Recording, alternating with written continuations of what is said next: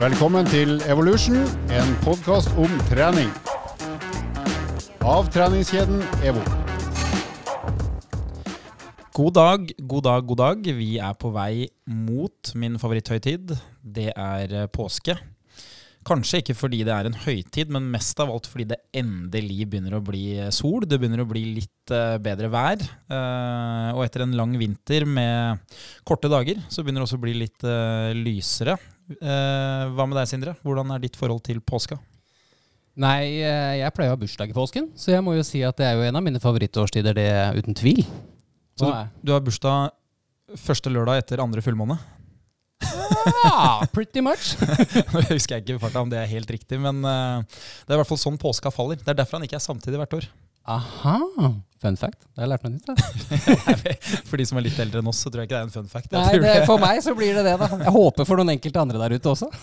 jeg tror fort kanskje bare man har glemt på skolen at sånne ting bør man informere om. Det er jo sånne småting man bare glemmer underveis også. Uh, og da det som også skjer, vet du, det er når påska da uh, først har funnet sin dato, så vil det også påvirke noen helligdager litt senere ut på, uh, mot sommeren. da. Og det er jo det de fleste ikke vet, at Hva heter det? Kristi himmelfart. Ja. Det vil jo da selvfølgelig påvirke sånn når påske er. Ja. Derfor så får du de helligdagene som bare flyter fram og tilbake. Det gir jo egentlig veldig mening nå, da. Ja, jo. Greit, jeg henger med, jeg henger med. Men julaften derimot, den er låst. Alltid. Du er sikker? er sikker. På skuddårsdager også? Skuddårsår, mener jeg. Skuddårs Skuddårsdager. Fotball, ball, ball. Nei, men uh, vi er jo da tilbake i studio her etter å ha vært en tur i Trysil. Uh, vært på NM i alpint. Hva er det du husker aller best fra helgen? Uh, at jeg hadde stor, stor, tro på meg selv om at jeg skulle få en pallplass, selv om jeg ikke var en konkurrent. Og det er jo ikke så rart.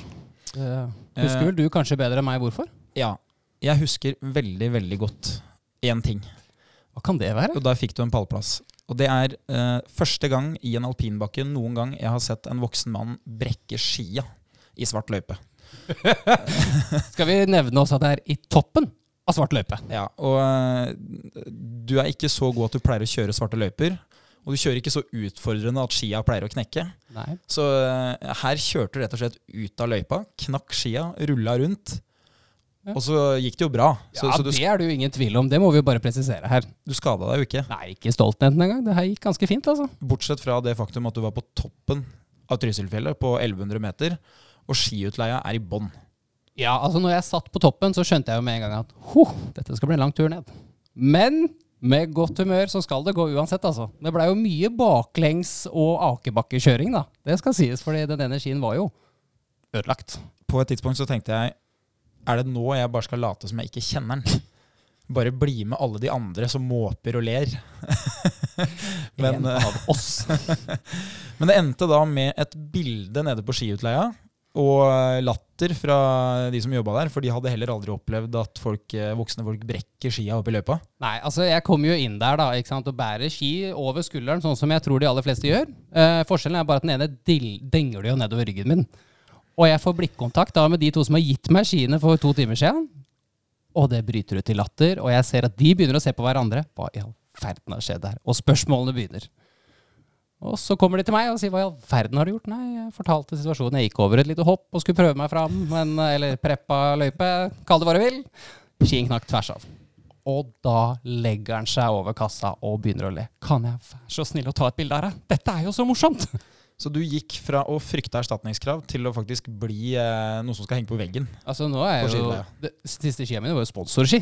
Da glei det som bare rakkeren. Nok om den Trysil-turen.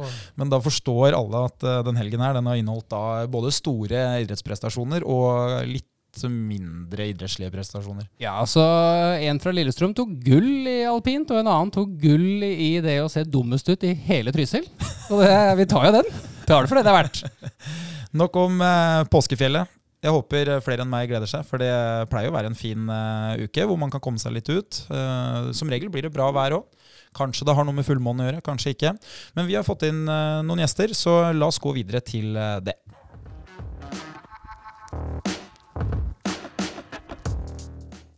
I dag har vi et litt eh, annerledes tema enn det vi har hatt tidligere. Vi pleier jo å ha knebøy, benkpress, trening av hjertemuskelen.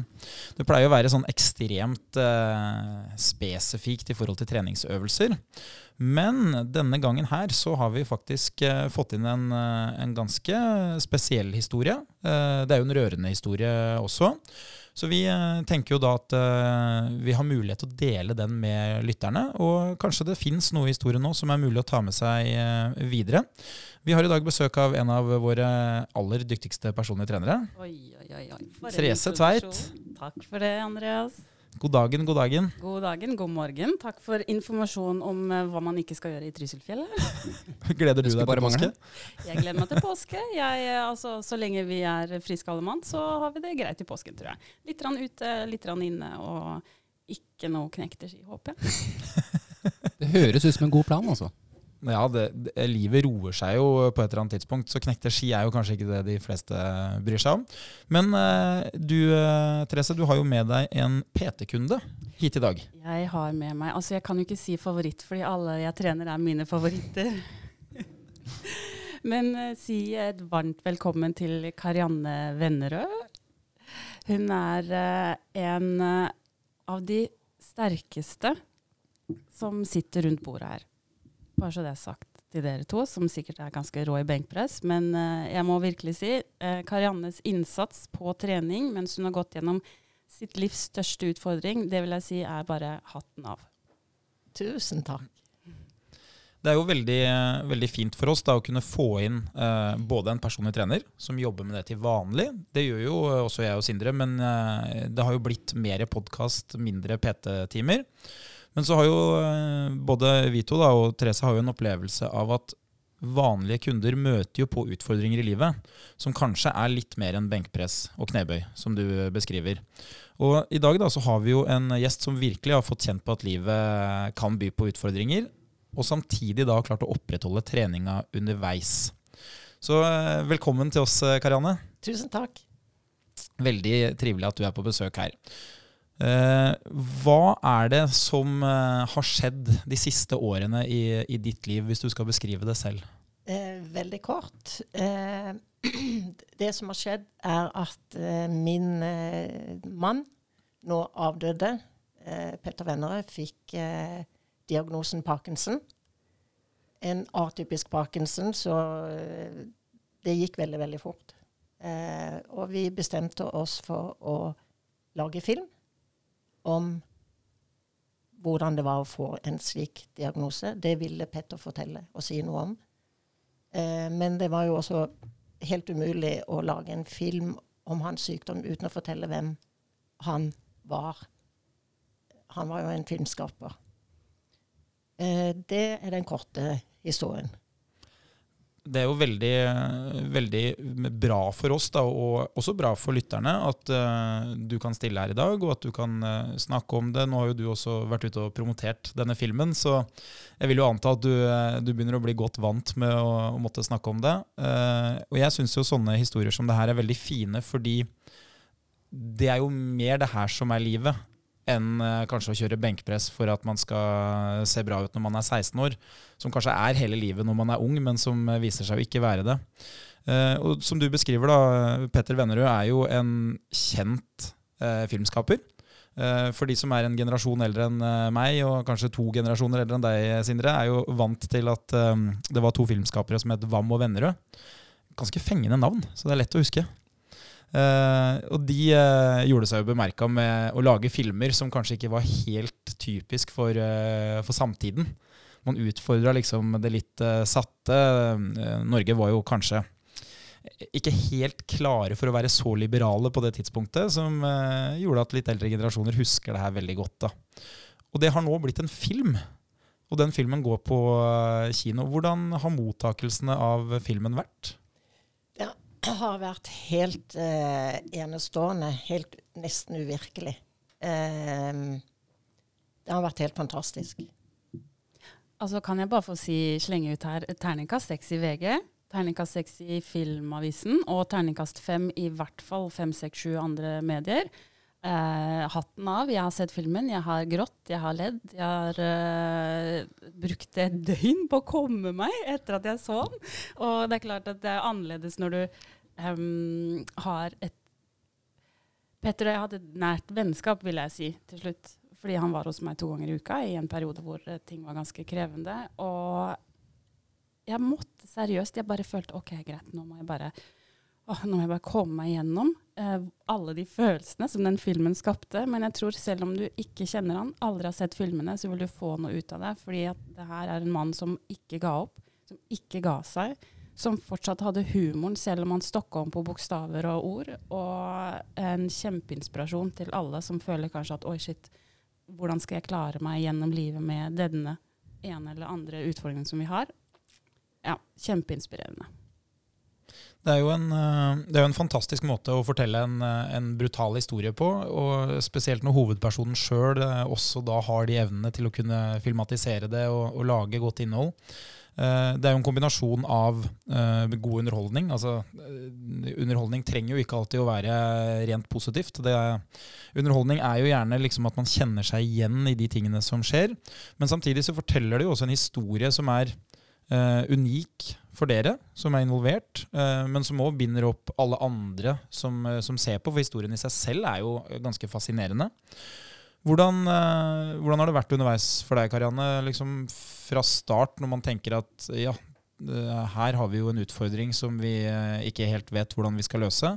Og så kommer man inn på at man skal lage en film om det. Hvordan er den prosessen? Den, det var en veldig, veldig fin prosess å lage film. Den prosessen gjorde at eh, jeg ble kjent med Petter på, eh, altså fra en annen side. Eh, Vi brukte mye tid eh, på sykdommen etter at vi bestemte oss for å lage filmen, men på en veldig positiv måte. Vi gravde oss ikke ned i kjelleren. Eh, vi hadde, og spesielt Petter, hadde jo humoren. Vi lo masse av hans sykdom. Eh, da han snakket feil, snakket som en full mann. Han ramla og holdt på. Vi lo masse. Men selvfølgelig så var det jo mange utfordringer. Det, det sier seg selv, fordi at han var ikke i stand eh, til helt å klare seg selv. Eh, men en eh, fantastisk prosess. Eh, jeg sier til mange at det anbefales. Eh, men selvfølgelig, alle kan ikke lage film. Det, det er ikke det. Men at man bruker mye tid på å snakke om den sykdommen og tenke litt positivt. Og der var jo treningen helt avgjørende.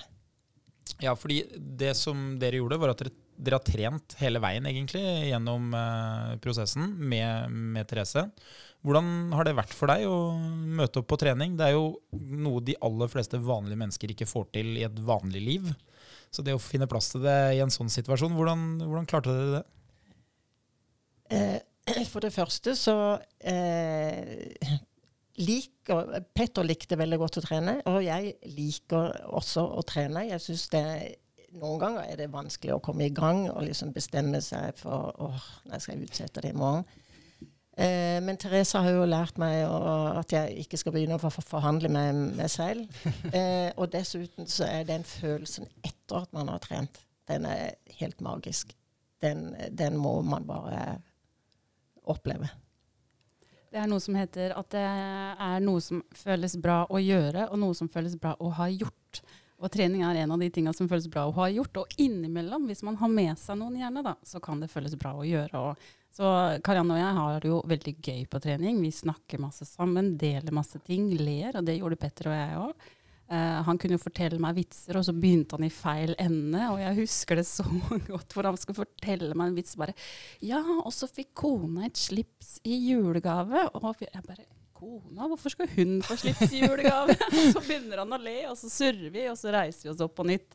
Og fysisk reiste vi oss opp på nytt en del da, med Petter, for det hendte jo at han falt. Og hendte at han rulla litt, og så måtte vi bare OK. Jeg bare venter jeg, til du har reist deg. Jeg trenger ikke hjelpe deg, for det var en av de tingene som jeg hadde bestemt meg på forhånd. At her er det en voksen mann som har en utfordring, og han har en sykdom som er alvorlig, som blir verre, men jeg skal faen ikke få han til å føle seg sjuk. Så jeg står og venter til du har reist deg sjøl, mann, og noen ganger tok det tid. Og vi lo mens vi holdt på, jeg prøvde å få han til liksom bare si hoi. og han bare det hjelper ikke å si hoi. og så, ja, sånn var det egentlig vi hadde det. Til slutt så var det jo um, balansetrening og prøve å styrketrening og ja. Etter hvert så dessverre så ble det veldig vanskelig for Petter å kunne trene fordi han trengte rullestol. Mens Karianne, som da har både båret seg sjøl og han gjennom eh, flere år, kom på trening. Og noen netter hadde vært tøffe, noen dager hadde vært tøffe. I en periode før han fikk Mens han fortsatt bodde hjemme, så var jo Karianne ja, helsepersonell, vil jeg også si. Og det at du kom på trening da og valgte seg sjøl midt oppi det der, altså helt uh, hatten av. Jeg syns det var skikkelig imponerende og skikkelig, skikkelig viktig, spesielt for kanskje den mentale helsa. Eller hva sier du? Det har du helt, helt rett i. Um, det mange bør gjøre mer, det er å be om hjelp uh, når man kommer i en sånn situasjon. Det gjorde jeg, og dermed kunne jeg også gå og trene. Eh, jeg eh, inviterte venner og sånn til å komme og se til Petter, mens så kunne jeg få en times tid. Og det er Og folk blir fantastisk glad for det. De, de blir spurt om en helt konkret ting å gjøre. Og folk blir glade for å bli spurt om å kunne hjelpe. Jeg syns jo det er så utrolig fint å høre, for det er vel kanskje noe vi, i hvert fall vi tre som Peter, møter veldig ofte. Hvor vi må ofte stille det samme spørsmålet har du noen hjemme som støtter deg. Mm. For det er som dere sier, og jeg syns dette er et tema vi burde prate litt om. Det med å føle på å sette seg selv i fokus, spesielt i en situasjon som du har stått i, da, hvor det kanskje kan være det kan, far, det kan være farget av hvor mye man skal sette seg selv i fokus, og når. Så det at du bringer inn og bruker Kall det ditt lille kollektiv, da. Sammen må jo ha vært utrolig Føltes veldig sterkt og føltes veldig trygt å ha et sånt samhold. Veldig. Eh, og det, Petter satte jo også veldig pris på at han fikk besøk. Eh, at det ikke var bare meg han så hele tiden. Han kunne bruke tid på venner. Og det gjorde jo at han ikke følte seg så syk. At eh, livet kunne fortsette eh, som det gjorde, selv om man ikke kunne gå. Og selv om man ikke helt kunne snakke tydelig. Og så, så var jo hodet på plass, så han, han merket at, uh, at uh, vennene tok seg av ham. Og det vi ikke må glemme er at jeg tror folk har en sånn iboende evne og ønske om å hjelpe til. Fordi når noe skjer med noen, så veit vi ikke helt hva vi skal si. Kanskje noen har mista noen, kanskje noen har blitt sjuke. Og da blir det sånn Ja, si ifra hvis jeg kan gjøre noe, da. Ja, men altså helt konkret, spør. Hvordan ser støtte ut for deg nå? Hvordan ser støtte ut for deg nå?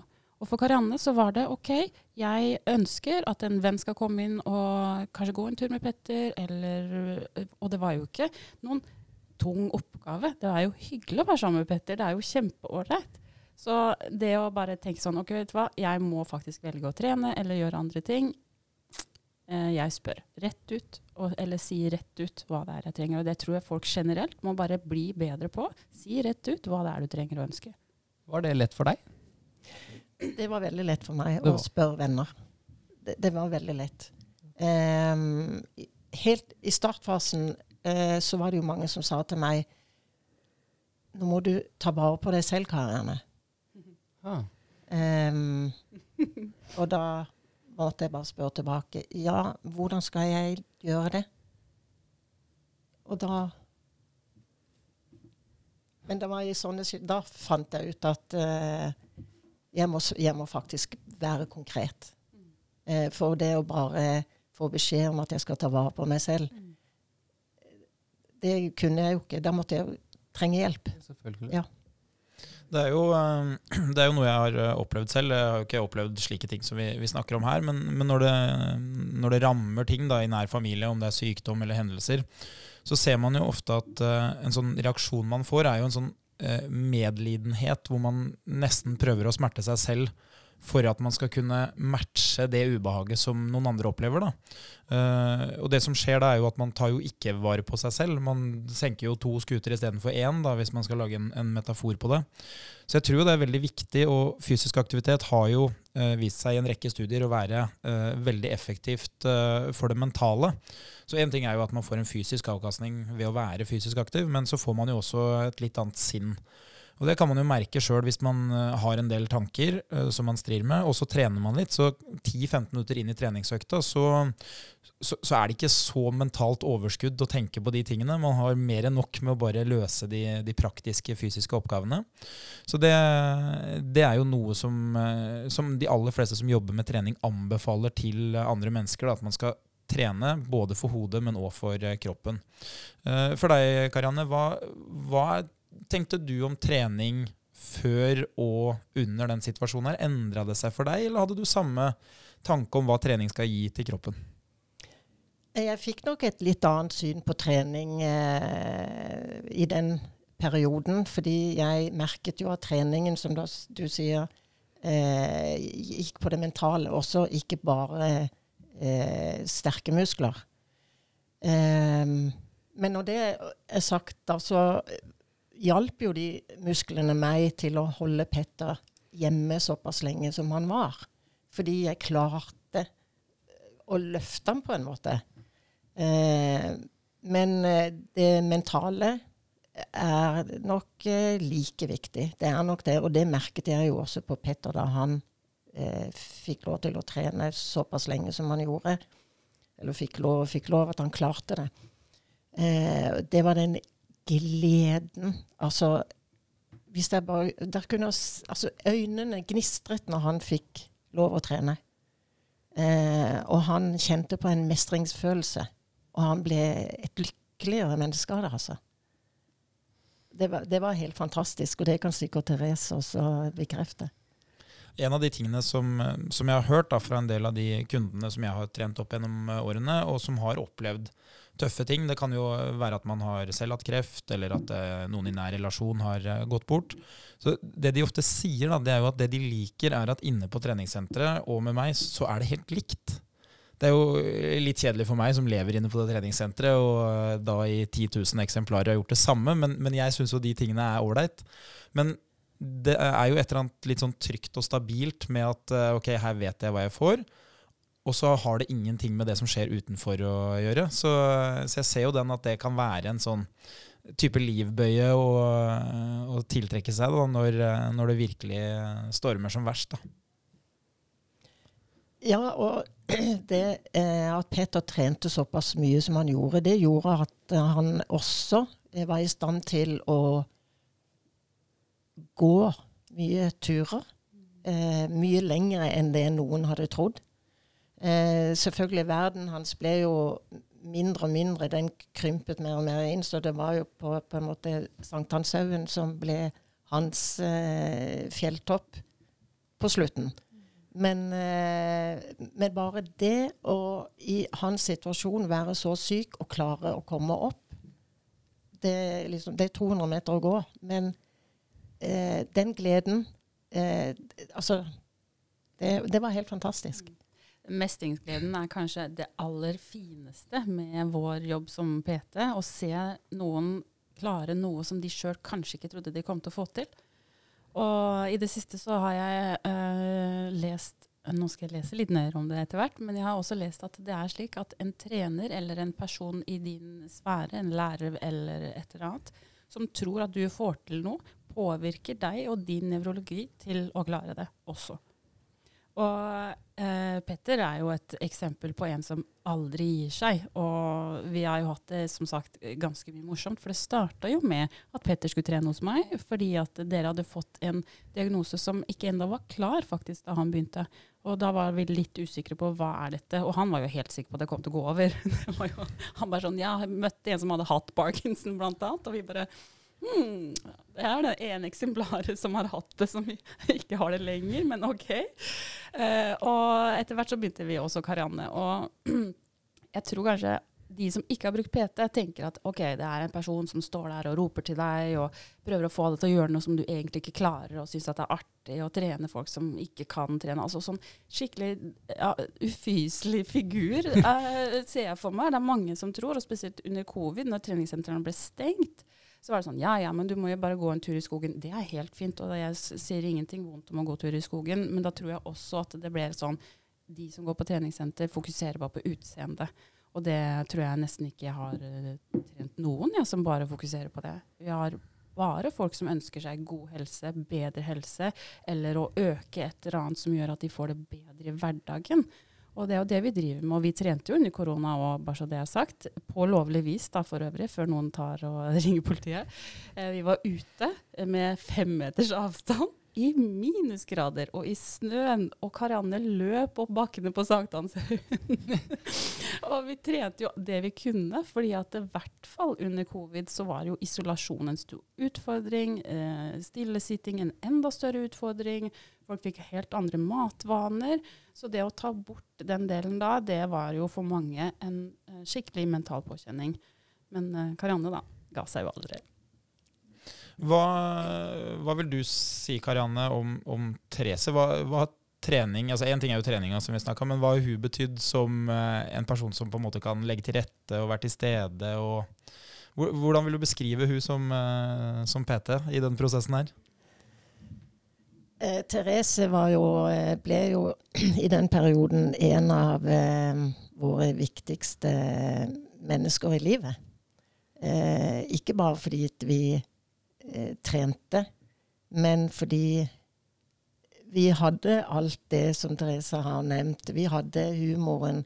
Vi kunne snakke sammen. Eh, Therese skjønte hvilken situasjon jeg var i. og hun ble så godt såpass godt kjent med Petter at Therese og jeg kunne på en måte snakke om de alvorlige tingene. Um, vi kom nær. Uh, hun har vært en veldig viktig person. Det er jo det er noe fint uh, i det, å, å, høre det. Fordi det er jo en opplevelse mange som jobber én uh, til én, om det er trening eller om det er noe annet, uh, opplever. At man man får en profesjonell relasjon. Eh, samtidig så blir den jo ikke så profesjonell fra trenerens side når, eh, når, man blir godt kjent. Det er jo klart, Man kjenner jo på mange av de samme følelsene, men man klarer også å holde et litt distansert forhold fordi man, eh, man da er på den arenaen som vi snakka om eh, tidligere, som kanskje er lik hele tida. Altså personene som kommer, forandrer seg, men, men stedet og, og, det man skal, er på en måte det samme. Så man får et litt distansert eh, forhold til det. Og så er det jo et eller annet med det som du sa i stad, Therese, at alle vil jo genuint egentlig hjelpe til, men vet veldig sjelden hva de skal gjøre. Og det kan jo være en fordel blant uh, de som jobber med trening. Da, at, uh, da vet man i hvert fall at mitt bidrag her er jo da uh, å bruke opp den tida som vi har sammen, til å gjøre noe fysisk. Så det, den oppgaven er kanskje litt lettere å finne ut enn, enn hvis man er en venn da, som skal prøve liksom å, å, bidra på en eller annen måte. Hva, hva, gjorde dere, Therese? Hva, du, som, du, som, personlig trener, hvor, hvor begynner man? Jeg, jeg ville jo tenkt sånn uh, Parkinson. Det entra jo den internasjonale scenen definitivt med, med en bokser. Ja. Uh, Mohammed Ali er vel kanskje den som er mest kjent for å bringe sykdommen inn på, uh, på verdensscenen. Men hva gjør du som trener? Altså, hva, Nei, hvor starter man? Vi, vi har også boksa, bare så det er sagt. Petter og jeg har boksa både mot hverandre, sammen med andre trenere på Frontline bl.a. Og vi har også boksa inne på EVO. Eh, fordi eh, det som jeg føler er viktigst i vår jobb, er å kunne se mennesket som kommer inn, og dets behov den dagen. For du Andreas er ikke lik i dag som du var forrige uke. Det har noe med søvn å gjøre, det har noe med din eh, Jeg skal ikke si mentale kapasitet, men Du kan godt si det. men, eh, men, det er klart at uh, min jobb er å tilpasse til den personen som kommer inn den dagen. Så ofte når Karianne kommer, så har jeg lagd kaffe. Så får Karianne den i hånda. Det her har vi egentlig gjort helt siden i hvert fall covid. Uh, og så ser jeg litt sånn OK, hvor er vi i dag? Må bruke noen sekunder på å se Karianne. Hvor er det vi er hen i dag? Og klart at nå er jo hverdagen hennes mye mer um, ja, litt mindre surprise-elementer enn det var en periode hvor Petter var syk. Eh, men det er klart at nå har jo Karianne også hatt en uh, turné med denne filmen, og det er jo stressende nok innimellom å drive og svare på masse journalister som skal lure på ting. Så når de kom inn, så var det jo Petter kom med den beige frakken sin og hvite håret, og han var egentlig fast bestemt på at jeg har, skal snart bli frisk. Og Karianne var egentlig bare med for å kontrollere om jeg ikke var helt tilbake. Fordi da var, du, da var, du, litt strengere enn du er nå. Jeg tror nå eh, i møte med sykdom så blir um, alle ting du skal gjøre, blir litt sånn Er dette bedre for oss eller dårligere for oss? Du må hele tida vurdere. Er dette valget bra, eller er dette valget dårlig? Er denne legen god? Er denne fysioterapeuten god? Er denne treneren god nok for oss akkurat nå? Det er klart at det er kjempeviktig å bruke tid på å finne ut hvem som kan hjelpe deg, og om de kan hjelpe deg bra, for det er jo personlig kjemi. Kjempeviktig. Så da var Karianne litt streng, og håpa at jeg skjønte alvoret her, for Petter gjorde ikke det. Men eh, du og Petter fikk jo veldig god kontakt med en gang. Kjemien ja. var på plass. Ja. Ja. ja. ja, Vi har ledd så mye. Altså, jeg savner han så fælt. Og i den filmen nå, altså som sagt, jeg gråt og jeg lo, og altså vi har hatt det så morsomt. Vil, han var en så reflektert og åpen person som hadde lyst til å vite, lyst til å lære, lyst til å ja, se verden, på en måte. Fortsatt. Hvis vi, eh, hvis vi, snakker litt mer om, eh, om trening, da. Hva, Karianne, hva er din treningserfaring før du møtte Therese? Eh, jeg har alltid vært aktiv. Jeg kommer fra en veldig aktiv familie. Så vi har holdt på med sport alltid. Men så har jeg jo hatt perioder i livet mitt hvor jeg har vært eh, skikkelig alt som heter tur og ski og trening og Altså litt sånn protest. Eh, nå er det nok. Eh, og det var noen år. Eh, så Men eh, det har alltid ligget i meg. Eh, men det har, det har, jo stort sett vært på egen aktivitet, da. Eh, jeg elsker å gå på ski. Og elsker å gå turer i, i marka. Men så det var personlig trening, det var jo helt nytt for meg. Eh, men nå er jeg jo blitt helt avhengig av det.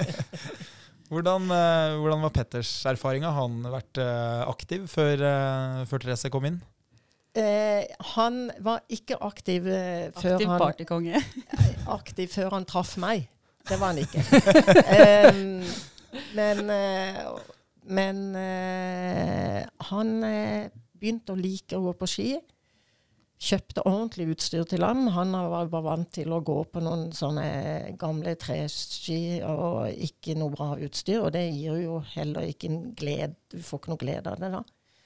Eh, så da Men vi begynte å trene litt på treningsstudio før Therese eh, kom på banen. Eh, hvor vi trente for oss selv, da. Men eh, da Petter ble syk og eh, trengte mer oppfølging. Eh, mer instruksjon på hva han skulle gjøre. Så eh, var jo personlig trening, eller trener, det, det som ble avgjørende. Det er jo uh, spennende å høre hvordan det blir til, fordi det som er litt sånn unikt med motivasjon, er at det er veldig lett uh, for meg å tenke hva som skal motivere andre. Men det man ofte er farga av, er jo at det motiverer meg selv. Så det man pleier å si enkelt forklart da, hvis man skal uh, undervise de andre, det er jo at uh, motivasjon det er på en måte ikke noe du kan bestemme for andre. Det må være genuint. Og det har man jo sett gjennom ulik motivasjonsteori. Men det som er litt morsomt, er at på en måte målsetning og motivasjon det settes veldig ofte ut ifra de forutsetningene du har. Og Derfor så kan det være sånn at en trener, da, hvis ikke vedkommende er erfaren og god til det, kan gjerne sette litt for store målsetninger. Man kan gjerne tenke at uh, dette her er lett for meg, uh, derfor bør det være bra for deg. Mens hvis man stiller spørsmål, lytter, opplever mennesker, så vil man skjønne at målsetningene og, og motivasjonen kan være så fjernt fra min egen motivasjon Og det er jo litt sånn spesielt i en sånn situasjon som det her, da, hvor man kanskje på forhånd ikke tenkte at trening det er, det er noe jeg gjør for at jeg må. Og så plutselig havner man i en situasjon hvor det å kunne gå, eh, hvis jeg kan fortsette å gå, så vil det være det viktigste for meg akkurat nå. Eh, så det må jo ha vært litt av en reise dere har hatt eh, underveis, hvor man på en måte skjønner òg at eh, det vi gjør i dag, det skal vi faktisk ikke gjøre kanskje om eh, to måneder. Hvordan legger man opp det, Therese, liksom mentalt for deg? da? Hva, hva tenker du? De fleste treningsprogram de fører jo til bedre form, ikke at de skal tviholde på den formen man har hatt. på en måte. Nei, her var det snakk om å opprettholde styrke i spesielt bena eh, og balanse. Fordi at det går jo veldig Parkinson, og atypisk Parkinson også, går jo spesielt utover det. Til slutt så altså, Kroppen forvitrer jo litt etter hvert, og du blir veldig stiv. ikke sant, Stive ledd osv. Um, så uh, i størst grad i starten var det for Petter å oppleve egen mestring og kunne gjøre ting sjøl. Og til slutt så holdt jeg han jo. Jeg skal ikke si bar han, men det var ikke så langt inn da. Og når jeg hørte at, uh, at ok, han skulle komme og varme opp på egen hånd, og jeg bare å herregud, nei, ikke, ikke gjør det. Da måtte jeg liksom begynne timen litt før. For å stå litt sånn på hjørnet og se ja, nå varmer han opp på egen hånd. Eh, fordi det å til slutt bruke tredemølle kunne han jo ikke. Han raste jo av. Eh, og gå på en sånn eh, turf, altså en sånn matte som vi har inne, gjorde han jo også. Og han dunka jo borti veggene, og folk bare Hvem er det som banker på? så så eh, det eh, Jeg tror bare du må eh, lære deg ting underveis, og helst litt på forhånd. da. Jeg måtte jo lese meg opp på det her. Jeg er ikke noe ekspert på Parkinson, var i ikke det på tidligere. Og lese deg opp på ok, greit, hva er det som kan være bra. F.eks. kryssøvelser eh, sier de da kan være bra. Så boksing f.eks. Eh, balanseøvelser, styrke i benmuskulaturen, som sagt. Og så, så eh, er det jo bare Ja, vi må bare følge eh, med på utviklingen her. Og utviklingen gikk jo eh, i starten ikke så fort. På slutten veldig fort. Og til slutt så kjenner man jo nesten ikke igjen mennesket. Og det er det jo mentalt hardt å se på òg. Og hver gang Karianne fikk en telefon, for Karianne var jo nede og hadde telefonen sin med seg når hun hadde um, folk fra Oslo kommune hjemme og litt sånn forskjellige ting. Den, altså jeg var like redd jeg, som Karianne hver gang den telefonen ringte. Jeg bare kjente det i magen når den ringte. Jeg bare «Åh, Jeg håper han ikke har dette. Og det hendte seg jo han hadde gjort det.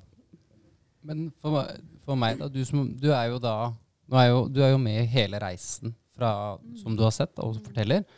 Og det må være veldig inspirerende for deg. Vi, alle, vi tre Peter møter jo ofte veldig mange som syns det er ubehagelig å gå inn på treningssenter. Syns det er ubehagelig, kanskje føle seg litt dum og gjøre noe som er feil. Her forteller du jo om en mann som han skal gjøre det han skal gjøre. Mm. Dette er oppvarmingen. Mm. Uansett om jeg får det til eller om jeg snubler Ja, litt på ja, veien, ja. så skal det gå. Og det høres ikke ut som han var så opptatt av hva alle andre mente. Og det er jo litt sånn som i forhold til karrieren hans òg, så har jo det vært en holdning han har hatt hele livet, har jeg et inntrykk av. Bryr meg ikke så mye om hva andre tenker. I hvert fall ikke, hvert fall ikke negative kommentarer. Nei, det har du helt rett i. Han, eh, han sto på egne ben. Absolutt. Men jeg må bare tilføye det i forbindelse med treningen. Det, altså det ga en sånn glede hos Petter, eh, det å kunne trene. Og det gjorde jo også at han holdt seg i gang såpass lenge som han gjorde. Jeg tror det er veldig mange som som vi har sett også, som opplever det etter hvert når du begynner å få til trening. I starten så er det jo veldig mye motstand med egen motivasjon, spesielt i indre, og det er der vi kommer med den ytre motivasjonen, litt som vi har pratet om tidligere òg. Eh, og det er jo veldig interessant å høre hvor raskt det kommer for han at den indre motivasjonen er der, hvor mye treningsglede han får da, av fysisk aktivitet. Og jeg vil jo si det at det er jo det er mange, og har du sikkert opplevd det, Therese, at det er mange som kommer dit, men det tar gjerne litt tid før de forstår hvor gøy det er å bevege seg. Jeg tror det er noen som begynner litt sånn i en annen ende, nå skal jeg ikke si feil ende, men en annen ende, som tenker sånn Jeg må begynne å trene, og da må jeg kjøpe meg treningsklær. Jeg må melde meg inn på treningssenter, og så må jeg starte med å trene. Og så tenker jeg OK, skal vi starte med å snu hele den pyramiden? Og så hva er det som er grunnen til at du ønsker å trene? Hva er det som kan være bra for deg med at du begynner med det? Er det noe inni deg som gjør at du kan liksom kjenne ok, mestring er viktig for meg, eller i det tilfellet til Petter, da, det å kunne gå lengst mulig er viktig. Men det er jo få uh, av gjennomsnittsbefolkningen som har det som mål. Og jeg tror vi må ta bort hele den der fokuset på vektnedgang eller holde vekta. Bare ta det. For det er ikke det du sitter og tenker på når du er 95 år gammel og, og, og har god helse fortsatt. Og ja, jeg, jeg var uh, veldig opptatt av tynne lår eller hva som helst. Uh, jeg er fortsatt det. Nei, det er jo ikke det. Du er jo ikke det. Og jeg tenker finn motivasjonen som handler om helt andre ting enn hva du har på deg og hvor du er, og, og det å melde seg inn på treningssenteret. Begynn et annet sted først. Det er jo, eh, det er jo en kjensgjerning det at de, de, fleste som skal i gang med trening, de har jo gjerne ytre motivasjon, altså utseende eller en type prestasjon. Og så kan det òg være at de vil bort fra noe. Eh, gjerne at de har type overvekt, eller de har opplevd en, en type sykdomshistorie som gjør at ok, jeg må trene. Det er jo typisk at på um, hjerteintensiven på, uh, på Ullevål sykehus, der slutter flest å røyke. Det, det, er ikke noe hemmelighet at når du får uh, et sånt ordentlig krakk i livet, så, så, blir sånne ting ganske enkelt å frasi seg. Men som du sier, da, Therese, det er jo veldig opp, altså, Jeg opplever det veldig ofte da, at de som fortsetter å trene, de gjør det av helt andre grunner. De har jo indre motivasjon. Uh, de begynner å kjenne på at oi, mestring er noe jeg liker. Eh, jeg føler meg litt bedre, jeg føler meg litt flinkere. Jeg driver med noe jeg egentlig var veldig dårlig til. Og nå tror jeg jo, og jeg opplever jo, at jeg faktisk er litt god til det. På det nivået jeg holder på. Så, så det å få folk til å møte opp, det å komme i gang, det er jo liksom Det tror jeg er viktige, viktige ting altså, for at uh, man skal lykkes. Hvordan er det for deg i dag, eh, Karianne, når du har et aktivt liv hvor du skal promotere film og reise rundt? og Får du tida til å trene nå underveis? Jeg tar meg tid. Eh, men eh, først og fremst fordi at jeg eh, Jeg liker følelsen av å føle meg sterk. Det syns jeg er en veldig god følelse. Eh, også fordi at det gir meg også en større glede av å bevege meg ute. Eh, og så liker jeg å trene sammen med Therese. Vi har det veldig gøy. Vi har det veldig fint. Og så prøver jeg å trene litt på egen hånd, da. Karianne trener også på egen hånd. Jeg har sett det. Jeg har notert når du er der. jeg skriver det opp hver gang jeg ser deg. Nei, jeg gjør ikke det. Men altså, de fleste vil jo leve på en måte friske lenge. Og jeg leste nylig en undersøkelse som viser at selv om du begynner å trene midt i livet eller senere, så vil du da kunne nå sju til ti ekstra friske leveår med å starte med trening, selv om man starter seint, eh, såkalt da, hvis man begynner når man er 50 f.eks. Men nå, apropos motivasjon, så kom jeg på noe jeg har hørt en uke her om underbevisstheten. Det du utsetter, det du liksom bevisst utsetter, f.eks. det å melde seg inn i et treningssenter, oppleves for underbevisstheten som utrygt farlig. Det, den er der for å på en måte beskytte deg. Og eh, antidote til det, liksom, det er å gjøre det. Da sier du til underbevisstheten din 'dette er trygt'. Og det var en annen historie om en, uh, apropos det du snakka om hjerteintensiven, en kirurg som gikk til en terapeut fordi han sa du, jeg er lungekirurg, jeg røyker, hjelp meg. Og viser seg at den røyken for han er trygt. Han ser på den som trygt. Så vi, vi klarer ikke, underbevisstheten vår skiller um, ganske sånn primitivt mellom det vi selv gjør som trygt, eller det vi gjør som eh, opplever oss, mener og føler er utrygt som f.eks. å gå inn på et treningssenter hvor alle i gåsetegn ser ut som de er profesjonelle. Det er de absolutt ikke. Uh, men, men, bare det å være en litt sånn OK, stille deg sjøl spørsmålet. Føles det trygt? Føles det utrygt? Er det noe som jeg utsetter, så jeg liksom setter i gang alle alarmsignaler hjemme hos meg sjøl da? Og ja, da er det jo bare å tenke da, OK, greit. Mm. Det vet jeg eh, logisk sett at det er bra for meg. Jeg får bare gi det et forsøk. Smart. Det, det, er jo mest sannsynlig der de fine opplevelsene ligger, hvis man tør å utfordre seg selv. Eh, Karianne, med det du vet i dag, eh, og, og, med den erfaringa som du har eh, fått på det her Hvis vi tenker på trening og fysisk aktivitet, hva, hva vil du anbefale til eh, de som kanskje havner i si, lignende situasjoner, da, eller situasjoner i livet hvor man mister litt kontrollen og, og opplever noe man helst skulle vært foruten? Eh, jeg, eh, når jeg tenker på Petter, så eh, tenker jeg at eh, han eh, ga ikke opp. Eh, han satte seg ikke ned. så trening for både han og meg ble viktig, nettopp for å kjenne mestringsfølelse, føle oss sterke. være mer positivt mentalt så det mentale har enormt eh, mye å si, altså. Um, så min erfaring med denne prosessen som jeg har vært gjennom nå, det er holde seg i gang, men, men uh,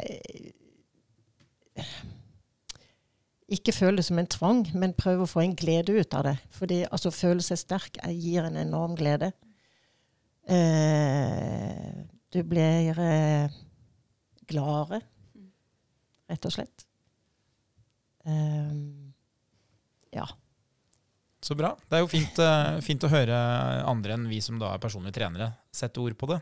Vi blir jo på en måte veldig kommersielle når vi, når vi driver med det og på en måte har hatt det som yrke. Men um, hva med deg, Therese? Har du noen eh, tanker? Hva, hvis du skulle anbefalt andre mennesker, hva, hva, kan de gjøre for at hverdagen skal bli litt enklere eller litt bedre? Ja, I stad var jeg jo inne på det å ufarliggjøre ting. Det å prøve å, å Hvis du aktivt utsetter noe, så sier du jo basically til deg sjøl dette gjør jeg mm, aktivt ikke fordi at det er et eller annet som føles utrygt. Så det kanskje utfordre deg sjøl innenfor trygge rammer må være bra. Ta med en venn, ta med en eller annen mm, bekjent eller en partner eller et eller annet, og så utforsk noe sammen som dere kan gjøre litt sånn lavterskel.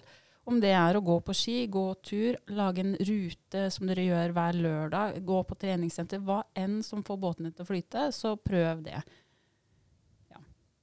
Det er jo en, en, ting som jeg observerer ofte blant de som ikke trener på treningssenter. Da, og Det er jo gjerne at man har en, en holdning som er at eh, det er bortkasta å være på treningssenter. Og det som er litt spesielt, da, selv om jeg da lever i treningssenterverden sjøl, er jo at ja, det kan jo være bortkasta å være på treningssenter. Men det er jo kanskje den enkleste måten for å kunne være fysisk aktiv med riktig belastning, hvis man ønsker å trene både eh, kondisjon og styrke. Eh, hvis man har trent litt, eh, så vil jo det å gå på ski, gå tur i skogen, jogge, det er geniale ting. Men hvis man ser sånn på de fysiologiske kravene, så er det ganske mye vanskeligere å kunne løpe f.eks. i en lysløype som er kupert, hvis man ikke er vant til å vite hvor fort man skal løpe.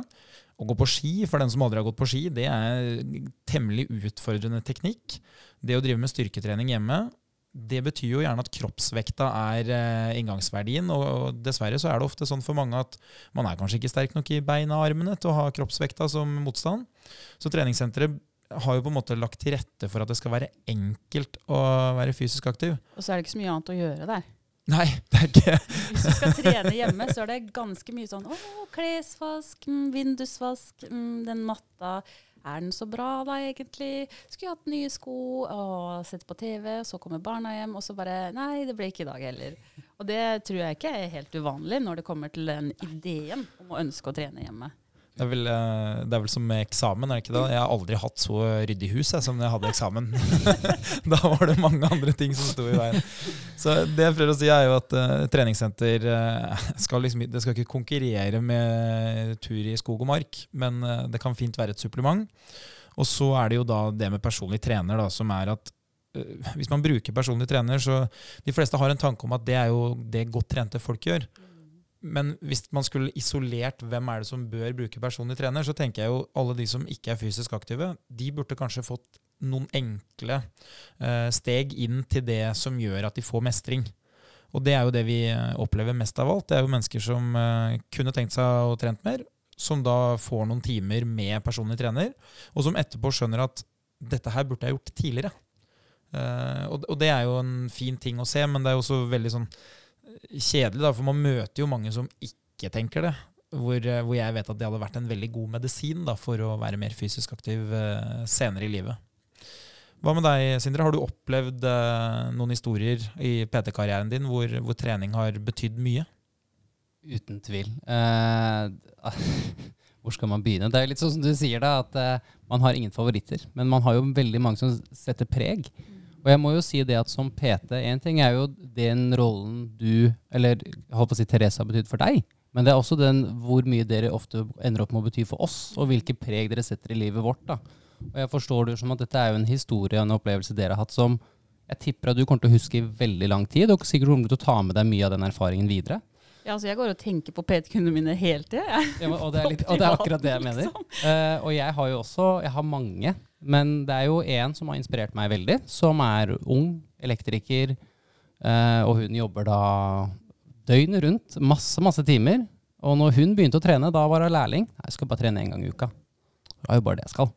Til jeg til slutt så den belønningen det ga henne på jobb. Det var kjempegøy å være først på vei inn i når de skulle fikse ting. Det var gøy å kunne bare løpe opp trappa. Det hadde jeg aldri fått til før. Og å se den gleden hun har fått av å gjøre noe som er så fjernt og ukomfortabelt. Hun har aldri vært på treningssenter i hele sitt liv. Eh, Å se det at hun får til det og i hennes hverdag, gjør jo at når jeg tenker jeg har ikke lyst til å gjøre det her, så tenker jeg jo ofte på henne. Og mange andre jeg har hatt, og skjønner det at jeg, jeg tror jeg må det. Det kommer til å være gøy igjen uansett. For det ser jeg jo hos de. Og det tenker jeg også Karianne kan være et eksempel på her. At eh, OK, jeg syns det var litt trått i dag, og jeg har hatt en litt vanskelig dag, og situasjonen min, livssituasjonen min, et eller annet. Vi har jo alle våre eh, Jeg vil ikke bruke ordet unnskyldninger, men eh, som jeg om, eh, eller som Karianne nevnte i stad, det å forhandle med seg sjøl. Hvis du begynner med det når klokka er fem, du har vært på jobb hele dagen. Altså, det er en dårlig idé. Så ja. Mm. Men eh, du, nå blir jo du prakteksempelet på, på alt som høres veldig sunt og lett ut, og alt er så enkelt. Det har jo ikke vært enkelt i det hele tatt, for det har jo vært livets tøffeste periode, vil jeg jo si. Jeg skal jo, Mm. ja. Og det å velge seg sjøl igjen, da. Det er jo klart at det er, Hvem er det som kan sitte på med en bil uten drivstoff? Du må jo gi deg sjøl litt grann fuel. på en måte. Uten tvil. Eh, og der mener jeg at historien din og du går jo som en veldig stor inspirasjon for alle her ute. For så stort eller en så stor utfordring som du har hatt i livet ditt, så står du, så du her fortsatt å fortelle hvor mye glede trening har vært, og fortsatt er. Og det tror jeg det er veldig mange ute som trenger å høre. At det er mye glede i å trene, og derfor å trene riktig. Og finne det som passer seg. Oppleve den mestringen, da. Så det kan bli litt medisin. Absolutt. Jeg tror det er den eh, beste og viktigste medisinen.